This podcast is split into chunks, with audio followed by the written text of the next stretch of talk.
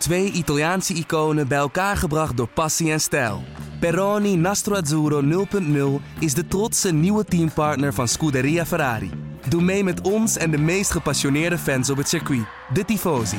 Samen volgen we het raceseizoen van 2024. Salute, Tifosi!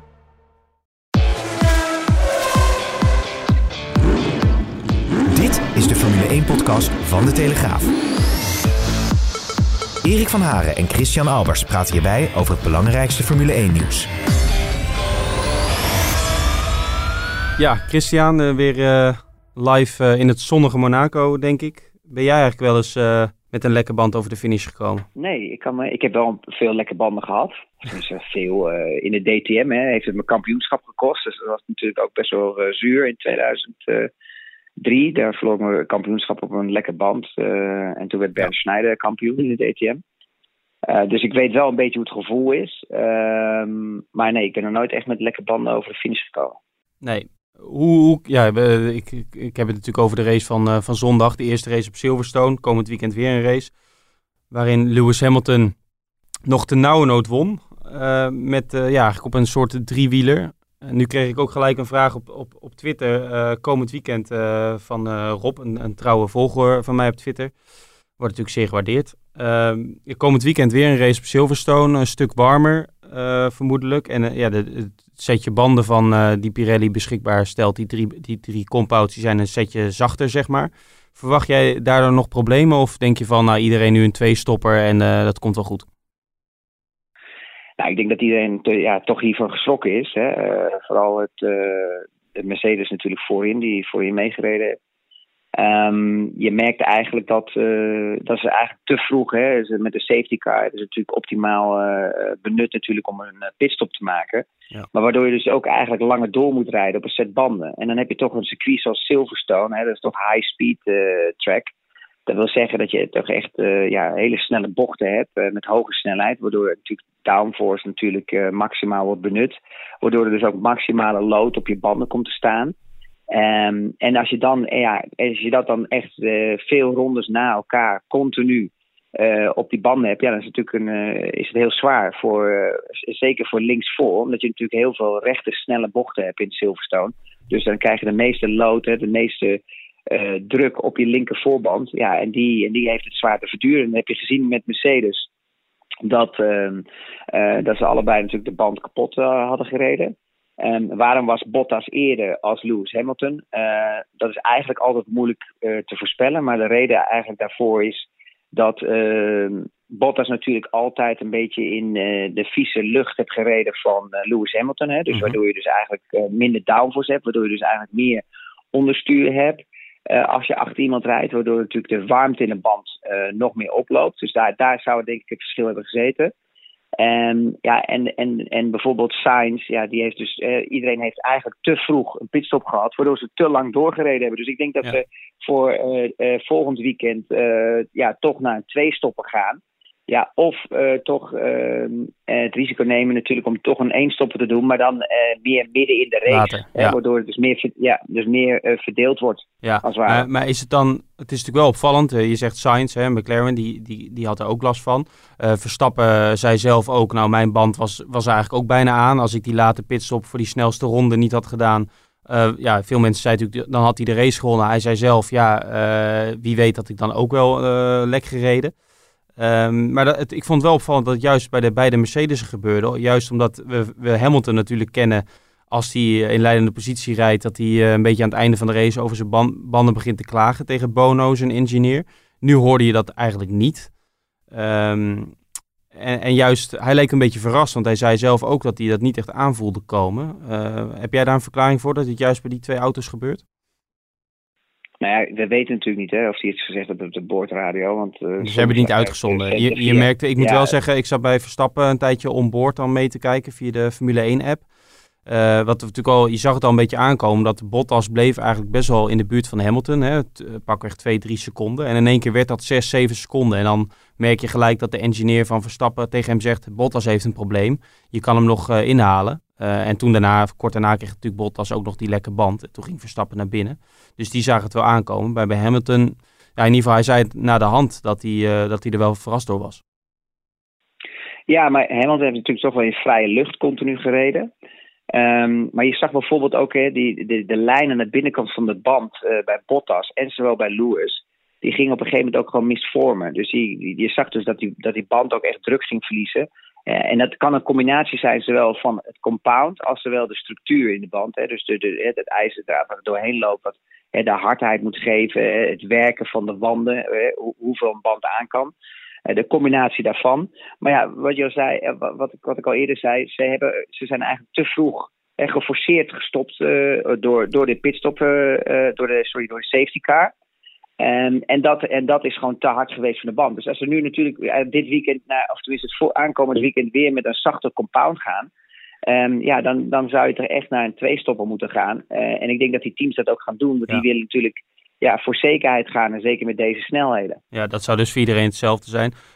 Um, nou, in ieder geval, gisteren bleek wel... Of, nou, één, één belangrijk ding. Ik lees ook heel veel dat mensen denken dat het door het DAS-systeem is. Ja, um, van Mercedes even voor de volledigheid. Ja. ja. Ja, maar dat is natuurlijk het systeem waar we al eerder over gesproken hebben. Uh, dat is totaal niet aan de orde. Dat is, heeft eigenlijk alleen te maken uh, met uh, warming-up procedure. Ja, dat um, gebruiken dus ze bij achter de, bijvoorbeeld achter de safety car, eh, zoals zondag, uh, om de banden op temperatuur te houden.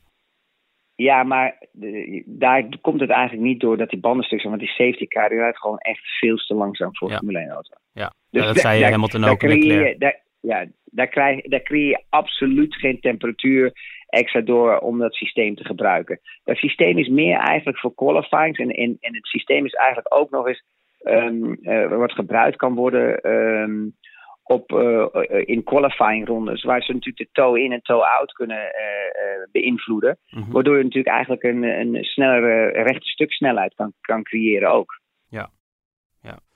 Um, Verstappen was nauwelijks in beeld, denk ik. Hij zei ook, nou, op een gegeven moment ging hij zelf aan zijn engineer vragen of hij wel genoeg dronk. Hij zei, komend weekend kan ik misschien schapen gaan tellen langs de baan. Um, we hebben hem eigenlijk aan het begin heel even kunnen zien vechten na zijn start. Uh, ja, vechten, misschien een groot woord. Maar uh, dat hij Leclerc achter zich hield. Uh, hoe keek jij naar de start? Nou, ik vond, moet je eerlijk zeggen, ik vond de start van Max uitermate goed. Want ik bedoel, als je kijkt naar de inboordcamera's, dan is Max net zo snel weg als de Mercedes. Ja. Um, het probleem is waarom Max zijn positie verloor, is dat in bocht 2, hè, toen in één keer Bottas vorm kwam, toen zag je in één keer dat eigenlijk hè, dat hij in de vieze lucht kwam. Hè. Vieze lucht is zeg maar zware hè, de lucht van de, wat, wat de auto neerwaartse druk moet geven. Dat, de, de vrije lucht over de, over de vleugels. Hè, waardoor hij dus moet liften. En wat gebeurt er? Hij lift hè, ietsje, omdat, hij, omdat hij merkt dat hij voor grip verliest. Ja. Komt Charles buitenom voorbij. Die heeft dus een vrije luchtstroom. En die, en die haalt hem in. Ja, en dan zie je eigenlijk weer, komt iets weer terug van Hongarije, hè, van Budapest uh, de start. Dan zie je dat hij bij bocht 3 ook gewoon veel harder in laat lopen. En veel later remt, maar ook la harder laat rollen. En dat hij hem gewoon buitenom weer uh, ernaast rolt, naast Leclerc. En dan zie je in één keer dat bij bocht 5, hè, dat hij hem ernaast heeft staan alweer. En dan zie je het verschil tussen de Red Bull en de Ferrari qua uh, mechanische grip dat de Red Bull gewoon veel meer tractie heeft. Dus ook sneller de bocht uitkomt voor het uh, volgende lange rechte stuk. En zo heeft hij eigenlijk zijn positie weer terug, uh, uh, ja, zijn positie weer teruggevochten. Ja. Maar het is wel mooi om te zien, want dat is het stoeren van Silverstone. Hè. Het is natuurlijk breed, je kan daar stoeien, je kan daar vechten. je hoeft elkaar daar niet te raken. Um, dus was, ik moet je eerlijk zeggen, dat was, het was wel een mooie start. Alleen ja, jammer dat hij dus dat eerste stukje verloor. Want als hij, als hij niet hoefde te liften achter Bottas, dan had je toch nog twee bochten waar Max uh, het gevecht aan had kunnen gaan met uh, Bottas. Bottas, ja. ja je, je, ziet het, het is gewoon geweldig in beeld gebracht, met name die haling met die helikopterbeelden van bovenaf, uiteraard. Uh, dat, toen zag je het heel goed. En Max zei van tevoren natuurlijk ook al van, ik, ik moet het eigenlijk in de eerste ronde proberen, want anders zijn die Mercedes gezien. En dat, ja, dat bleek nu ook wel. Ik denk dat hij nou ja, op Mercedes uh, 4 vijftiende per ronde verloor gemiddeld. En dat hij juist bijna een seconde sneller was dan Leclerc en het groepje daarachter wat natuurlijk wel dicht bij elkaar zat. Dus zonder die safety cars had, Verstappen uh, ja, ongeveer 30, 40 seconden in niemands land gereden. Uh, vandaar ook dat hij natuurlijk een gratis pitstop kon maken. Is, dat, is dat nog saai als coureur zijn of... of we hebben het natuurlijk eerder over gehad. Ik, ik merk bij Verstappen, ja, we zijn natuurlijk pas vier races op, op, op weg totaal niet iets van een frustratie of zo. Ferrari is natuurlijk weggevallen bovenin, dus hij kan wel altijd vechten voor een podiumplek. Alleen ja, dat zal niet heel anders voelen dan een vierde of vijfde plek in het verleden, omdat hij natuurlijk veel ja, verder weg zit, normaal gesproken, van de, van de overwinning. Maar je ziet niet echt, uh, ja, hij begint een beetje te lachen als iemand vraagt van kun je Mercedes aanvallen. Maar het is wel een beetje een berusting, maar je ziet het niet echt aan de sportman af, zeg maar, aan zijn rondetijden.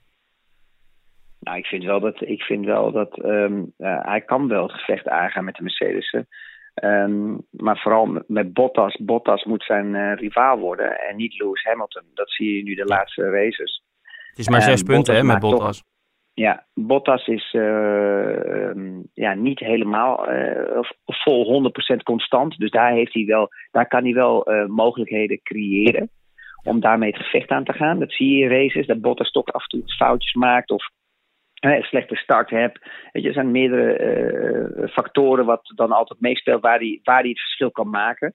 Ja, en Max is natuurlijk ook gewoon een vechter. Dat zie je met de start ja, het was gewoon jammer. Dit keer zat hij aan de verkeerde kant. Uh, uh, achter Bottas. Waardoor hij wel een plaats verloor. En gelukkig weer zich terugvocht. Um, maar ja, kijk, niemands land rijden, dat is natuurlijk nooit leuk. Maar als je eenmaal in die auto zit, dan gaat er een knop om. Je haalt altijd het maximale uit de auto. Dus je bent altijd in gevecht. Elke ronde, elke bocht. Ja. Uh, de hele race ben je aan het vechten om zo constant mogelijk te rijden. Je hebt je tijden in je dashboard. Je wilt dat elke ronde bijna gelijk is. En daar is Max geniaal vergeleken met de rest. Je moet echt uit jezelf halen dus.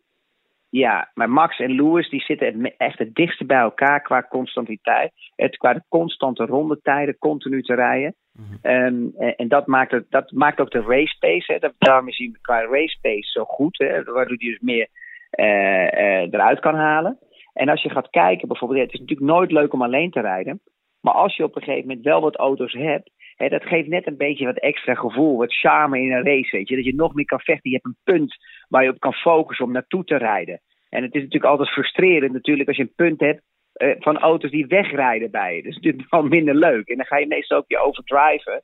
Dus dat betekent dat je nog meer gaat pushen en dan krijg je, ga, word je nog langzamer. Dus dan moet je eigenlijk ook heel veel geduld hebben om juist eh, rustig te blijven om dezelfde rondetijden te doen. Ja. Maar als je gaat kijken naar het eind van de race, en we zeggen allemaal dat, dat Mercedes geniaal was, en dat is natuurlijk ook, Mercedes heeft gewoon de beste auto gebouwd. Zo simpel is het. Ik had eerlijk gezegd niet verwacht dat Mercedes zo'n grote stap zou maken van vorig jaar naar dit jaar. Uh, daar was ik eigenlijk wel verrast van. Maar aan de andere kant, um, Red Bull heeft geen stap gemaakt. Dus op dat opzicht, weet je wel, is de stap natuurlijk dan nog groter van Mercedes. In, in plaats dat het eigenlijk zou moeten zijn. Ja. Um, en als je dan gaat kijken um, door de race heen en je analyseert, dan op een gegeven moment komt er een punt. Hè, dat is dus een beetje halverwege de race, of bij de laatste 15 ronden.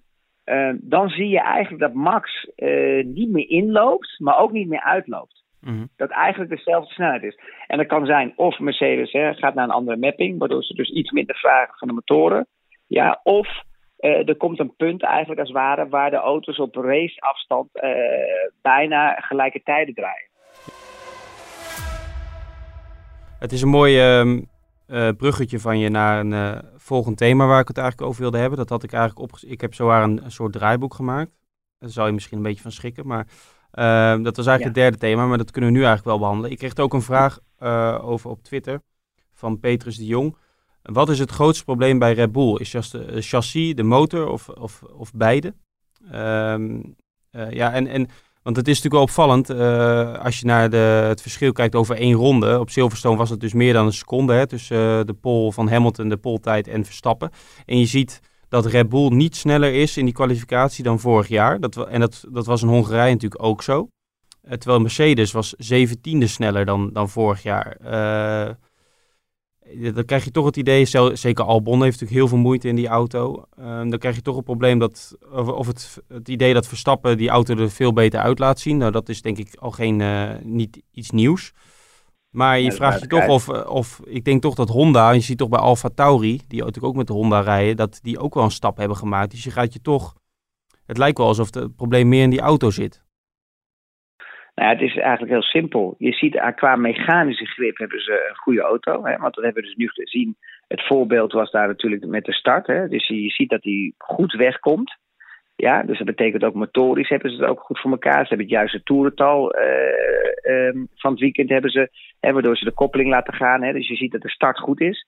dan zie je dat hij naast Leclerc zit hè, bij een bocht, bocht 3 4. Waar het ook om mechanische grip draait en niet om downforce. Dan zie je dat Max eigenlijk ook betere tractie heeft.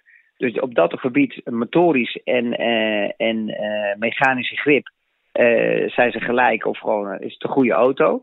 Ja, en dan zie je eigenlijk wat wegvalt. Ja, het gaat eigenlijk aan het eind van het verhaal, zoals het altijd in Formule 1 draait, het gaat natuurlijk om de downforce hè, en, mhm. en de drag. Eh, en, dat, en, die, en die combinatie van is de efficiency, hè, hoe efficiency is de auto. Dat betekent dus echt de, de, combinatie van de drag en de downforce. Hè. Je wilt natuurlijk zo, zoveel mogelijk downforce in de auto creëren.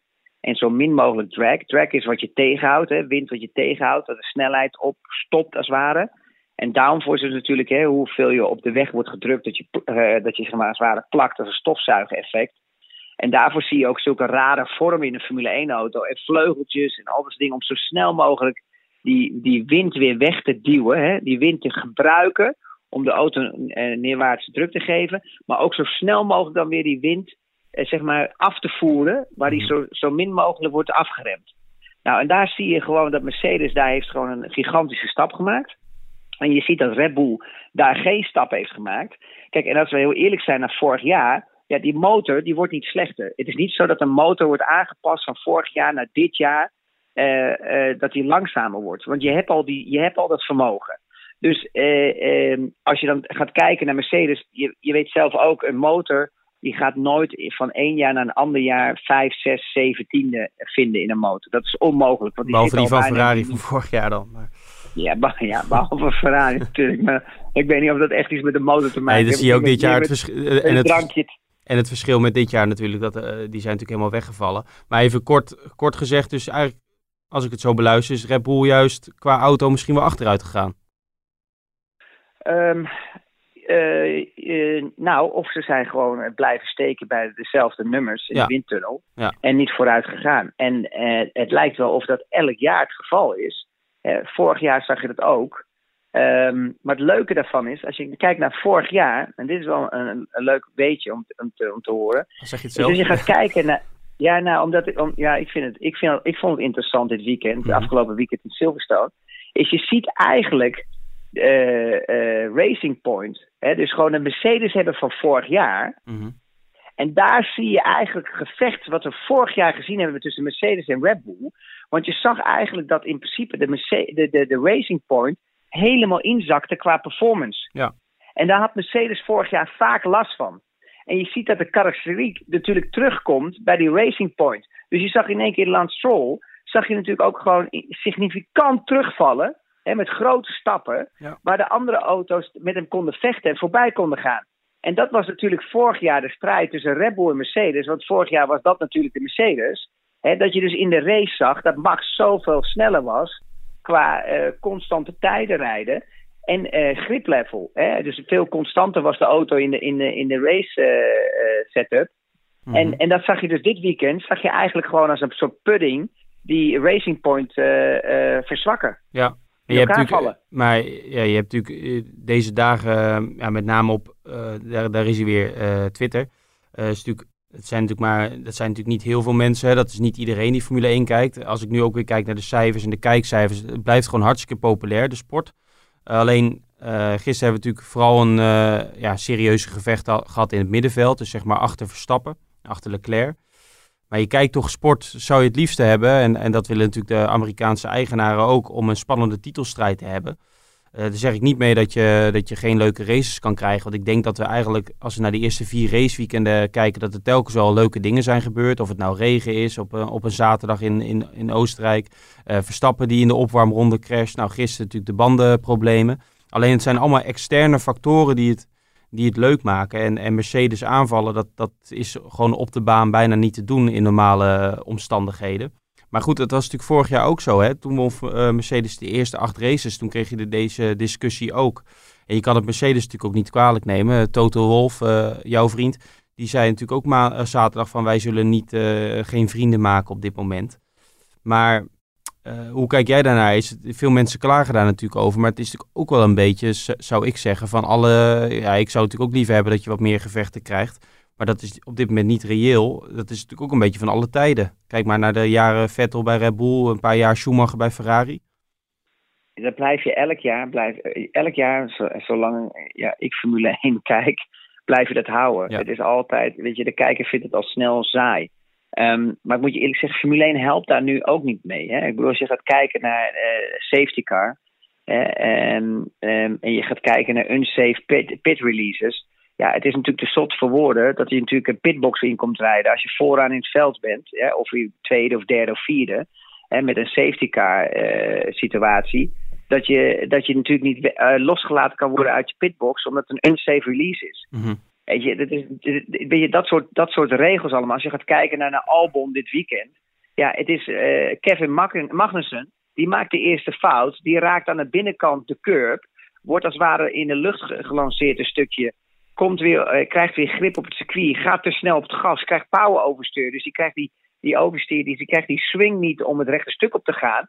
Ja, en Albon heeft natuurlijk veel meer tractie. Dus die zet hem daarnaast. Ja, en hij gooit gewoon het gat dicht. Ja. En dan wordt Albon nog een keer gestraft met vijf seconden. Je, je hebt, weet je, het moet gewoon weer teruggaan naar het ouderwetse racen gewoon. Ophouden met al die uh, uh, regels. Uh, en, en te veel erover. Weet je, ze gaan te vaak naar straffen in plaats van naar race-incidents. Mm -hmm. En aan het eind van het verhaal, laten wij eerlijk zijn, die mannen worden gewoon betaald 10, 30 miljoen, 20 miljoen, 5 miljoen salaris. En, en we zijn bijna bezig met, met, met zoveel safety. Weet je, ja, dan kunnen ze net zo goed uh, gewoon normaal, normaal salaris gaan verdienen. Ja, maar het is ja. natuurlijk ook zo dat je. Het is, het is gewoon eigenlijk te complex geworden. Niet alleen de auto's, maar ook al die regeltjes eromheen. Want als, je, ja, als ik aan racen denk, dan denk je toch als eerste aan actie op de baan en, en met name inhaalacties. En dat zie je nu. Ja, het is ook bijna niet te doen om een auto voor je te volgen. Hè? Zeker in die, in die, met al die downforce levels. Dus het is te hopen dat dat met die nieuwe regels uh, ja, gaat veranderen. Ja, die, maar die komen natuurlijk pas in 2022. Ja, er moeten geen nieuwe regels komen, Erik. Dus ze moeten gewoon stoppen met al die regels. Ja, maar de, de ik bedoel de... We moeten teruggaan naar de basis. Ja, maar de auto's worden dan een stuk virtual... simpeler. Ja, maar de, de virtual safety car, wat heb je daar nou aan? Wat heeft de Fenda aan? Ja, niks. Het is leuk voor de coureur die, die, hè, die het snot voor zijn ogen rijdt en die gewoon wegrijdt bij het veld en 10 seconden of 5 seconden voorsprong hebt. Maar als je het leuker wilt maken voor de fan, is het toch leuk als een safety car in het veld komt en het hele veld moet weer bij elkaar komen. Mm -hmm. En iemand die zich kan unlappen, kan unlappen is toch veel mooier? Mm -hmm. Wat heb je dan aan een, aan een virtual safety car? Daar blijft iedereen op dezelfde positie. Ja. ja. Begin daar eens mee. Ja. Begin daar eens mee bijvoorbeeld de vorige race hè, in Hongarije en die race daarvoor in, in Oostenrijk met unsafe releases. Ik bedoel, kan het niet waar zijn dat je gewoon in de pitbox met Formule 1, wat, wat om snelheid draait, om de snelste rondetijd, om zo snel mogelijk de pitstraat in te rijden, eruit te rijden. De pitstopstrategie, de, al die pitcrew, die moet zo snel mogelijk banden verwisselen. Die haal je weg omdat toevallig het achterveld achter jou komt en jij mag niet, vrij, jij mag niet gaan rijden, omdat het een unsafe release is. Ja, dan moeten ze de pitstraten, daar is genoeg ruimte. Die kunnen met twee naast elkaar rijden. Ja, ja. dat is nou eenmaal zo. Dan zou, dan zou er af en toe wel eens wat gebeuren. Ja, het zorgt, het zorgt ook voor spektakel. Hè? Dat is, dan heb je in ieder geval nog iets, het, iets het van gaat om, Het gaat om de kijkers. En de kijkers willen gewoon spektakel hebben. Ja. Kijk, en natuurlijk een circuit zoals Silverstone gaat daar niet bij helpen. Want het is een high-speed circuit. Ja, waar natuurlijk het maximale downforce wordt gebruikt. Hè, door de bochten natuurlijk, een maximale load. En, en, en zo'n zo'n zo'n circuit wordt eigenlijk altijd een beetje uit elkaar getrokken. En, en de auto's worden ook steeds beter in windtunnels. En vroeger had je dan eh, eh, eh, dat die auto's wat nog. Eh, daar had je echt geniale auto's, en minima, maar ze zaten wat dichter bij elkaar, waardoor je op die lange rechte stukken eh, met elkaar kon inhalen. En, ik, en jammer genoeg hebben we dit weekend.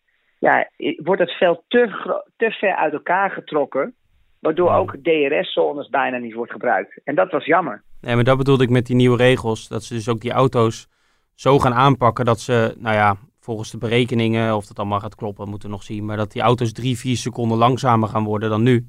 Maar dat je wel het veld wat dichter bij elkaar gaat krijgen. Dat de coureur wat meer het verschil kan maken. Maar we moeten ook niet vergeten dat Formule 1 natuurlijk aan zich een sport is. Waar het vooral gaat tussen de fabrikanten, constructeurs. En dat daarna pas de coureur aan zet is. Het is niet een Formule 2, Formule 3. Waarin je nagenoeg dezelfde auto's rijdt. Dat moet, ik vind dat, dat moet je ook niet vergeten. Natuurlijk veel mensen willen dat. Ja, maar ik vind het, ja, maar ik vind het altijd zo moeilijk. En ik vind het altijd, er zijn altijd gesprekken waar, waar, waar, waar nooit eindigt. Dat is net zoals als je Ronaldo, die geeft je een rugtas om met 25 kilo lood, omdat hij te hard loopt. Ja, waar, waar gaat het over? Ik bedoel, Formule 1 is alles tot het maxi, maxi, maximale tunen. Mhm. Alles tot het uiterste gaan in windtunnels met motoren. Je moet zoveel, zoveel met, met, met een motor moet je zoveel races kunnen rijden, zoveel kilometer kunnen rijden. En daar is de, en daar is de kunst, de motor zo te tunen, het meeste vermogen eruit te halen, zonder dat hij kapot gaat. Ja. En, en, en, en, en, en hetzelfde is met een auto. Je gaat het maximale uit een auto halen met het minste gewicht, maar wel dat je over de curbstones kan rijden, niet dat alles afbreekt en dat je zo hard mogelijk de, de, de, de bocht om kan. Kijk, en dan ga je dat allemaal afremmen. Dus ik moet je heel eerlijk zeggen, ik weet dan niet waar dat gaat. Kijk, en het is natuurlijk balen voor een kijker om te zien natuurlijk dat Mercedes eh, nu al een paar jaar oppermachtig is. Maar het is ook wel eens een keer goed, want waar is nu Adrian Newey? Waar is Adrian Newey? Ik hoor al jarenlang dat Adrian Newey de beste designer van de wereld is. Ja, de, de ontwerper van de auto van Red Bull, even voor de duidelijkheid. Uh, Petrus de Jong, die, die ik net al noemde, vroeg ook... Is het toch wel van deze tijd om een chief, een chief designer te hebben? Hè? Dus Adrian Newey, die, die nog met de hand tekent. Ja, ik vind dat lastig om in te schatten. Want dat, dat deed hij in de jaren met Vettel natuurlijk ook. Alleen het is natuurlijk duidelijk dat hij is overbluft de laatste jaren. Ja, maar dat wordt overschaduwd door Ja, James Allison van Mercedes. Ja, ik ben het, ik ben het uh, totaal met hem eens. Want uh, als je nu gaat kijken, uh, laten we eens heel eerlijk zijn, de wereld verandert allemaal. De techniek gaat zo hard. Ja, misschien heeft hij zijn beste tijd ook gehad. En Ja. dat klinkt misschien heel hard. Maar je, je, dit, dit, ja, je ziet het ook aan de andere teams. Hè. Die, zijn dus, die komen allemaal uh, dichterbij. Uh, oh ja, natuurlijk niet. Uh, je, maar je ziet in ieder geval dat Mercedes echt vooruitgang boekt. Dus iets bij Mercedes doen ze natuurlijk goed. Ze hebben gewoon een goed team. Ze hebben de juiste mensen bij elkaar. Ze hebben de juiste spirit. En uh, ze maken gewoon op dit moment de beste auto. Ja. En als je gaat kijken naar Red Bull, ja, weet je, het is gewoon nu uh, uh, het, het, volgende jaar. Ik, ik, bedoel, vorig jaar hadden ze het beter voor elkaar. En dat zie je eigenlijk ook aan de karakteriek. Want als je kijkt eigenlijk de Mercedes pak van vorig jaar, dat is dus Racing Point. Hè? Je ziet bijvoorbeeld daar, bijvoorbeeld in een weekend waar Perez, Perez die valt dus weg. Mm -hmm. En je ziet eigenlijk dat qua setup ze er absoluut niet bij zijn. Dus dan zie je ook maar weer de waarde van Perez. Hè, waar uh, die dus het hele seizoen al met de auto gereden heeft en getest heeft. Hè, dat dat toch helpt zo'n team hè, naar voren te brengen. Want je ziet dat Stroll hè, dus eigenlijk uh, toch een stukje verder weg is gevallen. En ook door de race. Maar het leuke daarvan is ook nog te kijken naar de karosseriek weer van die auto. En dan zie je weer het grote verschil natuurlijk tussen de Red Bull en, en, de, en de oude Mercedes. Ja, ja. En voor Hulkenberg, de vervanger van de op corona geteste uh, Perez, ja, is hopen dat hij komend weekend uh, nog kan rijden. Want dat was natuurlijk wel heel uh, treurig. Dat je niet mag rijden. Nou ja, het, ik vind het sowieso treurig als uh, Perez niet kan rijden. Kijk, je hebt twee situaties. Je hebt natuurlijk één coureur die wil zoveel mogelijk rijden. Maar die, die zat thuis, dat begrijp ik. En de andere coureur die wil natuurlijk zo... Eh, voor een gevoel van coureur wil je natuurlijk niet dat iemand anders gaat rijden. Want wat gebeurt er als Hulkenberg in één keer voor Stroll staat en dat hij op het podium komt? Dat is natuurlijk ook niet leuk voor Perez. Snap je? Dat gevoel heeft Perez natuurlijk ook als hij thuis zit. Nee, maar als je en je verliest gewoon punten waarde kan je niks kwalijk nemen. Bij Hulkenberg kan je niks kwalijk nemen, want die heeft gewoon nog geen ervaring met de auto.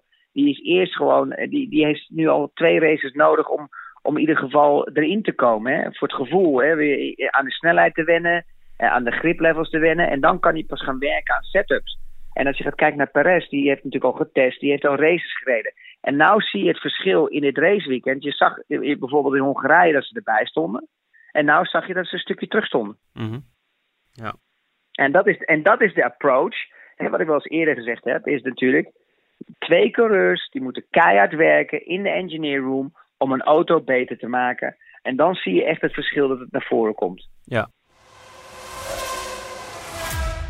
Je bent uh, lekker bezig, uh, Christian, want ik wilde eigenlijk naar het laatste thema. Dus het is weer een prima bruggetje, want ik wilde het even hebben over de, de tweede coureur in een team. En dan uh, met name over Bottas bij Mercedes en Albon, waar natuurlijk veel over te doen is bij, bij Red Bull. ik heb het een beetje het idee dat, dat Red Bull, we hebben het natuurlijk eerder over gehad, over die, ja, die keiharde mentaliteit daar. Met, door vorig jaar Gasly halverwege het seizoen te vervangen door Albon, die dat jaar pas voor het eerst Formule 1 reed. Ik heb een beetje het idee dat ze daar in, in ieder geval in publiciteit of de uitspraken die ze naar buiten uitdoen, daar heel erg uh, ja, mee, nou, niet mee worstelen. Dat ze daarvan misschien een beetje van geleerd hebben. Ook als je ziet hoe Gasly werd aangepakt vorig jaar.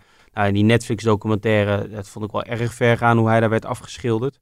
Uh, nu zie je met Albon dat ze best wel positief zijn. Hè? Ze, ze wijzen telkens op zijn resultaten in de race. In de kwalificatie is natuurlijk een, een drama de laatste weekenden. Um, Ze hebben zijn race-engineer vervangen vanaf dit weekend. En Gasly, die nu bij Alfa Tauri reed, die zei gewoon dit weekend... Dat had ik vorig jaar ook gevraagd, maar toen wilden ze dat niet. Uh, een, ervaren, een meer ervaren race-engineer, die eerder ook met uh, Sebastian Vettel werkte. Hoe kijk jij daarnaar? Vind jij Albon echt enorm door het ijs zakken? Of zeg je van, hij, heeft, hij verdient nog een kans? Ja, wat is door het ijs zakken? De, de, de ah, als je Q, Q3 niet haalt, twee weekenden op rij, dat vind ik niet echt Ja, maar, maar is het door het ijs zakken als het talent dat talent is? Als het daar ophoudt, dan is het toch niet door het ijs zakken? Snap je? Het gaat er natuurlijk om hoe goed is Albon. Dan is hij niet goed ik, genoeg, bedoel daar, ja, ja, hij is gewoon niet goed genoeg. En dat wisten we eigenlijk aan het begin van het seizoen. En hetzelfde is met Gasly. Sorry, met alle respect. Red Bull heeft maar één coureur die goed is. Ja. Dat is Max Verstappen. Kiewat, uh, Gasly, Albon. ze zijn gewoon nog, steeds niet van dat niveau. En ja, maar dan moeten ze iemand uit, die andere, uit een andere pool halen.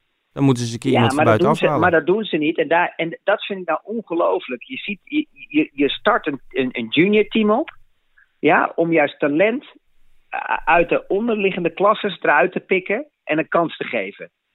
Nou, hoe lang rijden die andere mannen al bij Alfa, uh, bij, bij, bij, bij Alfa Wie bedoel je? Alfa sorry. Fiat en? Nou, hoe lang rijden... Ja, ja, nou, Kiva en Gasly. Maar hoe lang rijden die daar nou? Wanneer was de laatste keer dat er dus nieuw, nieuwelingen kwamen? Gewoon nieuwe talenten die een kans krijgen om ze te kunnen profileren, hè, om, om te laten groeien. Dit, heeft er niks meer, dit, dit, is, dit is alleen maar op safe gaan. Maar het team is toch niet gebouwd om op safe te gaan? En er zit het team gewoon, is gebouwd uh, om, om, om coureurs te creëren die naar een topteam gaan. Zoals Max Verstappen, zoals Carlos Sainz. Ja. Maar die staan nu al, ze staan nu al drie, vier jaar stil. Ja. ja, omdat ze... En als er een plekje komt, en als er een plekje komt, dan halen ze weer een oud iemand terug. Ja. En ze zijn natuurlijk in dat juniorenteam. Kijk, uh, Albon is eerder ook uitgewipt door uh, Helmoet Marco. Die heeft later dan weer een kans gekregen. Uh, nou, je hebt bijvoorbeeld een jonge coureur, Dan Tictum, die is eruit gegooid. Die won dit weekend toevallig zijn eerste Formule 2 race op Silverstone. In de Formule 2 rijdt nu ook een, een Japanner, ehm, Tsunoda, die misschien dan op termijn een kans kan krijgen. Maar ik denk, als het dan een keer stokt, uh, je gaat bij een voetbalclub ga je ook niet allemaal heel um, rigide de spelers van een tweede elftal van de jeugd door laten stromen. Dat gaat in golfbewegingen. De ene keer heb je een goede lichting, de andere keer niet. Nou, als dat niet het geval is, dan moet je een keer naar buiten kijken. Dan moet je een keer een coureur van buiten afhalen. Um, je ziet natuurlijk bij Mercedes, Bottas is denk ik de ideale tweede man. Alleen wat me dan wel een beetje tegenvalt, hè, ik, uh, jij schreef het pas in je column in de Telegraaf, uh, dat je eigenlijk de hoop had, of misschien wel de, de gedachte had, dat Bottas dit jaar een beetje echt het gevecht zou aangaan met, met Hamilton, zoals uh, Nico Rosberg deed in 2016. Maar dat zien we nog niet echt gebeuren, hè? Nou, nou, ik bedoel het een ander gevecht. Ik bedoel, naast oh. Lewis Hamilton rijden heeft hij geen, geen kans. Ik bedoel het gevecht gewoon intern, hè, dat er meer druk op komt te staan. Want ja. Ten eerste heeft hij Mika Hakkingen, die hier met zijn management, met DJ Coton aan het pushen is. Hè. Je ziet het bijvoorbeeld uh, in de pers natuurlijk. Hè. Uh, Bottas is er helemaal klaar voor. Hij gaat voor de wereldtitel en alles dingen. Ja, sorry, ik weet niet in welke wereld zij leeft. Maar ik, ik, tot nu toe, als Lewis gewoon zijn normale moment heeft. Dan heeft Bottas gewoon geen kans. 0,0. Alleen je ziet het wel dat het echt een goede tweede coureur is. Want hij, hij zit er heel dichtbij. En dan maak je echt grote stappen door zo'n weekend heen. Als je twee coureurs hebt die gelijk op snelheid zitten. Ja, dan, als je dan fine-tuning doet, dan wordt zo'n auto echt optimaal. En dat is waar je die laatste twee, drie tiende, vier tiende goed kan maken. Ja. En als je gaat kijken bij Red Bull, ja, dan is het alleen Max Verstappen. Want Albon komt helemaal niet aan die speed. Dus als je maar één auto hebt die op, die, op, op de snelheid zit van een rondetijd. En de andere auto is 4, 5, 16 en langzamer als hij begint, dan heb je een hele andere auto, een hele andere karakteriek, karakteriek van een auto. Dus het is heel moeilijk om dan dingen te gaan, uh, um, uh, gaan testen. Want de bandentemperatuur, daar zit gewoon heel veel verschil in. Dus bij Max krijg je veel hoger, hele andere waarden qua bandentemperatuur. Qua motor krijg je andere performance. Want je hebt veel. Je, je rijdt ook harder op het rechte stuk, want je, hij komt harder de bochten uit. Dus, dus alles is totaal verschillend. Dus dat helpt Max ook niet om, om nog die laatste twee, drie tienden. Want dan kan je namelijk van elkaar kan je, hè, kijken wat het beste is. En dan kan je een topauto maken door een weekend heen. Kijk, en dat heeft Mercedes wel, maar dat heeft uh, uh, Red Bull heeft dat niet. Nee. Nee, maar ik, ik ben wel inter, dat is wel meer de psychologische kant van het verhaal. Uh, niet dat ik een soort dokter Phil ben, maar hoe hij daarmee omgaat. Uh, want je zag bij Gasly echt dat hij er echt gebukt onder ging. En die rijdt nu bij Alfa Tauri toch een stuk vrijer. En daar, boekt hij toch wel goede resultaten voor zijn doen. Of voor die auto. En hij, je ziet toch dat omdat, die... omdat de, het is heel simpel, Erik. Omdat de druk er niet meer op staat. Nee, precies. En je ziet het nu bij Albon ook. Ik weet niet of jij het gezien hebt, maar ik zie bij Albon dat de druk er volop staat. En ze mhm. proberen het nu eindelijk, wat er positief is, wat ik ook zei, hè, in de column, maar ook gewoon in, of tenminste wat ik ook in het interview zei. Eindelijk zie je dat Red Bull hè, omgedraaid is van oké, luister, laten we niet dezelfde fout maken met Kirat en met Gasly mhm. hè, om de druk erop te zetten, want dan wordt het alleen maar slechter. Maar met alle respect, ik vind dat Albon veel fouten maakt. En dat komt eigenlijk omdat die druk erop staat. Dus nu, nu legt hij zichzelf druk op in plaats van de Red Bull nog eens een keer een extra setje geeft. Dat is het enige wat Red Bull geleerd heeft in de jaren. Is met, met Dr. Marco en met uh, Christian Horner. Dat ze nu hè, het anders gaan aanpakken. We moeten hem een betere auto geven. We moeten dit en dat. zo. Ja, sorry. Je hebt gewoon de verkeerde coureur daar zitten. Ja, maar je, voelt dat, je voelt het als coureur toch ook zelf wel. Dat als, als de, de hoge heren zo praten dat, ze ook, dat je ook wel denkt van ja, het is leuk. Dan voel je toch ook een beetje dat ze dat juist zeggen om een beetje de druk bij je weg te houden. Maar daar word je misschien juist weer onzeker van. Dat zie je toch ook in de performance? Ja. Dat zie je in de performance. Hij, de performance is niet daar. Hij is natuurlijk niet de. Hij heeft ook niet de mentaliteit van een Verstappen. Hij is natuurlijk twee jaar ouder, maar hij is nog wat uh, speelser, zeg maar. Eh, dat klinkt wat vervelend, maar het is niet, het is niet zo'n keiharde topsporter, denk ik. Verstappen is natuurlijk wel iemand die, die zich niet zo snel gek laat maken. En die, die is vol zelf, die is vol overtuigd van zijn eigen kunnen. En bij een Albon zie ik dat gewoon niet. Omdat hij waarschijnlijk diep van binnen ook wel weet dat hij de kwaliteiten er niet voor heeft. Nee, maar Bottas, maar Bottas heeft het ook niet. En Bottas is wel een tweede goede kleur. Ja. Dus het heeft niks te maken met de instelling. Het heeft te maken, je, je bent het natuurtalent of je bent het niet. Nee. En als je nu ziet, ja, dan zit, dan zit Albon meer naar een werktalent. Hè, dus die is echt lang, veel tijd nodig heeft om op snelheid te komen. Ja, en die tijd die krijg je niet in zo'n weekend. Nee. De tijd die krijg je niet in de weekend. Want je hebt twee keer anderhalf uur. Dan heb je de, dan heb je de zaterdagochtend al, hè, preparing for qualifying. En dan is het klaar. Dus als je dan een auto hebt die niet op dezelfde snelheid rijdt. Hè, ik bedoel, als Max gewoon 20 kilometer harder door een bocht gaat. heb je compleet andere waardes eh, van een auto en afstellingen als, als een Albon. En dat is het grote probleem. Dus, dus, maar aan de andere kant, het positieve er weer van is, is dat Max dus eigenlijk heel relaxed is. Die voelt, zich, uh, die voelt helemaal geen angst of hete adem in de nek van een tweede coureur.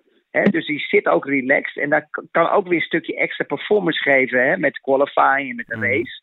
Maar het, het, doet, het, kan, het is ook weer slecht voor zo'n raceweekend, omdat ze gewoon dan. Ik denk als een, een goede coureur naast Max ook zit dat Max hem nog steeds vermorzelt. Maar dat, hij wel, dat ze wel met z'n tweeën nog eens een keer die extra twee, drie tiende hè, nog een keer kunnen vinden in zo'n weekend. Kijk, en dan is een gat natuurlijk van Mercedes van een halve seconde, wordt in één keer twee tiende. En twee, eh, twee drie tienden. Laat het, laat het drie tienden zijn. Maar dan zit je er wel dichterbij. En dan bij race pace hè, krijg wordt het veel competitiever. Mhm. Ja. ja. Maar goed, uh, tot slot ja, ik zou eerlijk gezegd zelf ook niet weten wie er dan wel naast Verstappen moet gaan rijden op termijn. Want natuurlijk, je, je hoort Vettel wel, wordt natuurlijk genoemd. Uh, of misschien Hulkenberg, maar die worden natuurlijk ook aan gort gereden door hem. Dat is natuurlijk wel, ja, ik zou eigenlijk niet weten... Nou, ik, persoonlijk, ik persoonlijk denk dat Vettel naast hem komt rijden. Oké. Ehm, ja, of hij moet gaan uh, voor een Racing Point. Ehm, maar ja, om terug te komen, Vettel heeft natuurlijk een, uh, een drama weekend. Eh, eh, je vraagt je wel eens af of misschien Ferrari een stukje geholpen heeft dat ze Leclerc geboost hebben dit weekend. Want het was echt, het, het, ja, dat sloeg echt helemaal nergens op. Ik weet niet wat aan de hand was, maar hij had gewoon totaal geen vertrouwen. Maar dat is ook het ergste wat er is van een coureur. Hè. Als je in een auto zit en je hebt geen vertrouwen achter en dat je elke keer overstuur hebt in high-speed corners. Ja, weet je, ook al heeft een, een, een auto dan een laptime, om even een voorbeeld te geven, van uh, eh, 1,27. Maar je hebt, geen, je hebt geen vertrouwen in die auto. En hij zou 1,27,5 kunnen doen, theoretisch de auto. Dan rijdt de coureur gewoon 1,29. Omdat je geen vertrouwen hebt. Dus je bent bang dat je hem elke keer verliest. En dat had eigenlijk Vettel dit weekend. Weet je, hij, hij had gewoon geen gevoel in de auto. Um, maar dat was natuurlijk echt, uh, was gewoon echt balen. En ik hoop dat hij niet daar een klap van heeft gekregen weer. Dat hij, uh, ik hoop wel dat hij die ervaring heeft om zich weer eroverheen te zetten. Uh, voor, voor het aankomend weekend. dat hij het weer kan vergeten en dat hij weer voorin mee kan gaan rijden. Of in ieder geval competitief kan zijn met Leclerc. ja, ehm, duidelijk verhaal. Christian, ehm, het zal je verbazen, maar er staan hier toch weer allemaal mensen voor het raam eh, te bonzen dat we moeten stoppen. Ehm, Alweer? er We zijn net begonnen. Ehm, maar goed nieuws. We gaan volgende week gewoon weer een nieuwe podcast opnemen na de tweede race op Silverstone. Ehm eens kijken of Verstappen dan eh, weer schapen gaat tellen of dat hij toch wat meer kan uitrichten. Maar ja, dat, dat, dat zien we zondag wel. Bedankt weer en we spreken elkaar snel. Oké, dankjewel.